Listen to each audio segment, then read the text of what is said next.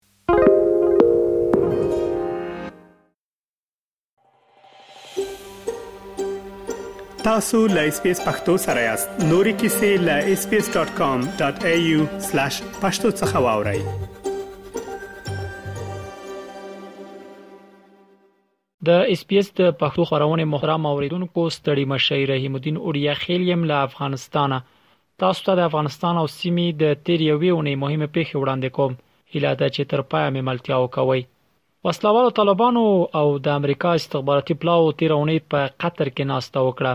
البته دا په جولای میاشت کې د القاعده ډلې پر مشر د امریکا له برید وروسته لومړی ځل وو چې جګپړو امریکایي چارواکو له طالبانو سره مخامخ ناسته وکړه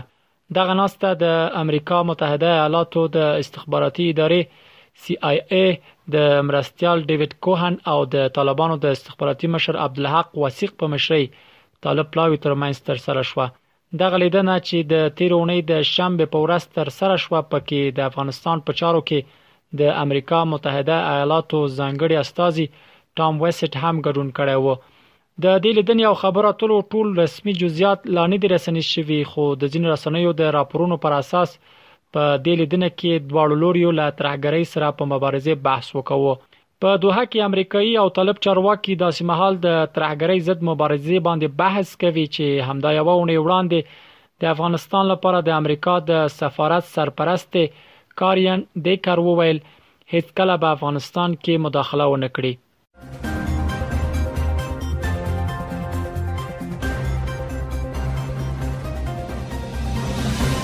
له وګړه ځن وروسته د تیرونې د دوشنبه په ورځ له افغانستان څخه چین ته د هوایي دهلیز لارې د جلغوزو د صادراتو لړۍ یو ځل بیا پیل شو د هوایي دهلیز لارې بهرنۍ هیوادونو ته د افغانستان د تولیداتو د صادرولو بهیر د پخواني ولسمشر محمد اشرف غني د کار په موده کې د افغانستان د تولیداتو د پراختیا او صادراتو د کچې د لوړېدو په هدف پیل شوی و چې د 2021م کال د اگست په 15مه واک ته د طالبانو رسیدو سره دا بهیر درېدلی و البته د روان 2022م کال په سر کې یو شمېر افغان سوداګرو په خپل ابتکار سره چین ته د هوایي دهلیز لارې د جلغوزو صادرات پیل کړي وو خو د څو ولایتونو وروسته دا بهیر د ځینو ستونزو لامل ودرېده د چین سره د دغه هوایي دهلیز د بیرته پرانستلو د مخه د طالبانو سرپرست حکومت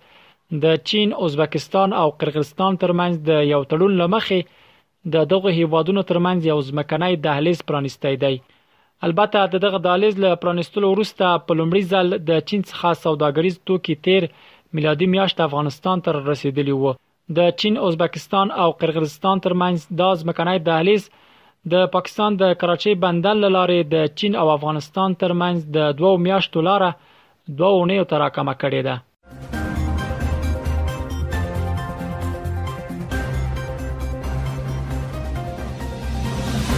امریکا متحده ایالاتو تیر اونۍ طالب چارواکو ته د ویزو په ورکړه بندیز ولګاوه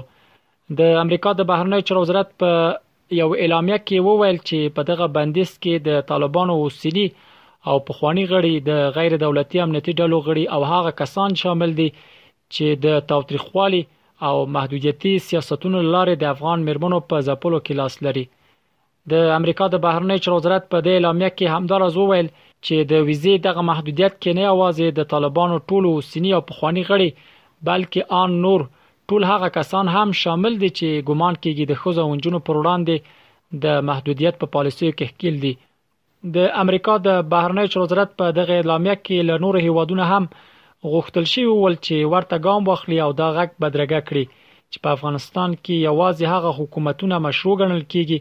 چې د ټولو افغانانو استازولي وکړي او د هغوی حقونو ته درناوی وکړي په اعلامیه کې زیاته شوې و چې متحده ایالات له افغانانو کلک ملاتړ کوي او د ښځو او نجونو په ګډون د ټولو افغانانو د بشري حقوقو او بنسټیزو ازادیو د ساتنې او ودې لپاره هر هغه څه ته ژمن دی چې تر سره کولای شي د طالبانو د بهرنی چارو وزارت بیا د امریکا د اقدام ته بغبرګون کې وویل چې د امریکا دا پریکړه به د دواړو هیوادونو ترمنځ د اړیکو په پرمختګ کې خنډ پیښ کړي د یادونه ده چې د طالبانو د 15 مشرانو د سفر لنډمحل معافیت د روان کال اگست کې پای ته ورسید خو د امنیت شورا غړي ونه توانیدل چې دغه معافیت وغځوي او یا هم رسما پای ته ورسوي طالبانو ته له بندیزونو دغه معافیت درې کاله وړاندې له امریکا سره د سولې مذاکراتو کې د ګډون په هدف د سفرونو لپاره ورکړل شوی و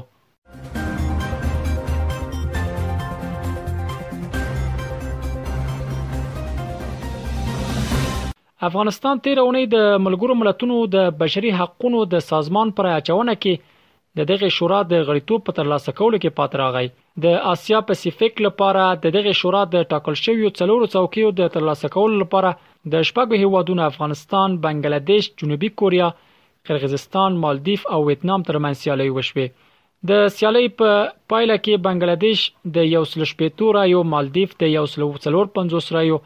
ویتنام د یو سلو پنځه څلوېښت رایو او قرغیزستان د یو سلو شپږ ویشت رایو په ګټلو سره ګټونکي اعلان شول. خو جنوبي کوریا د یو سلو درویشت ریاویو او افغانستان یوازې د دولس ریاویو په اخیستو سره ماتې وخوړه. د دغه شورا د غړیتوب د ترلاسه کولو په مخه معیار په کوردننه هر هیواد کې د بشري حقونو ترویج او خوندیتوب درلودل و. د ملګرو ملتونو د بشري حقونو شورا اووه څلوېښت غړي لري او د غړیو د ټاکلو لپاره یې سري رای اچونه ترسره شوه.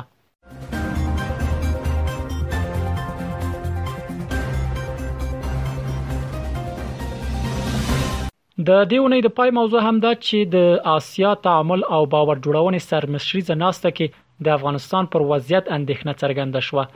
دغه ناسته چې د تیرونې د پنځشنبه په ورځ د قزاقستان په پلازمینه آستانه کې جوړه شوې و پر سیمه ایز امنیت ټیکاو د کرونا له نړیوال وبا وروسته اقتصادي ننګونو او د سولې پراختیا لپاره پر همکارۍ راټولاوه د روسیې ولسمشر ولادیمیر پوتین د ناسته په خپل وینا کې وویل په خواشنۍ سره چې افغانستان سیمه لپاره یو لتر ټولو ستوره امنیتي ننګونو په توګه پاتې دی پوتین په امریکا غږ وکړ چې افغانستان ته د اوښتي زیان تاوان پریکړي او دغه هیواد کنګل شوی شتمنۍ بیرته ورسپاري د غونډې نورو ګډونوالو او ځینې سیمه ییزو مشرانو هم افغانستان کې د حالاتو په تړاو خپل اندېښنې وښودې د ازبکستان مشر شوکت میرزیایوف وویل د طالبانو له منځمهاله ادارې سره د تعامل لپاره دې یو همغږي او ګډ دریځ خپل شي د پاکستان لومړي وزیر شهباز شریف او د ایران ولسمشر ابراهیم رئیسی افغانستان سره پر همکارۍ او دغه هیواد کې د یو ټولګډوني حکومت د رامنځته کېدو پر اړتیا ټینګار وکاوه. د اسیا لپاره د تعامل او باور جوړونې کانفرانس یا سیکا 1990 میلادي کال کې جوړ شوی چې د افغانستان په ګډون وویشت غړي لري خو د دغه ټولنې په شپږمه غونډه کې چې شاوخوا سل وړپړو چارواکو ګډون کړی وو د افغانستان استازي حضور نه درلود دا ول د افغانستان او سیمې د تیر یوې ونې مهمه پیښه چې ما تاسو ته وړاندې کړې تر بیا ښې چاري که غواړئ دغه سنوري کیسې هم او رینو د خپل پودکاسټ ګوګل پودکاسټ یا هم د خپل خاكي پر پودکاسټ یو اورئ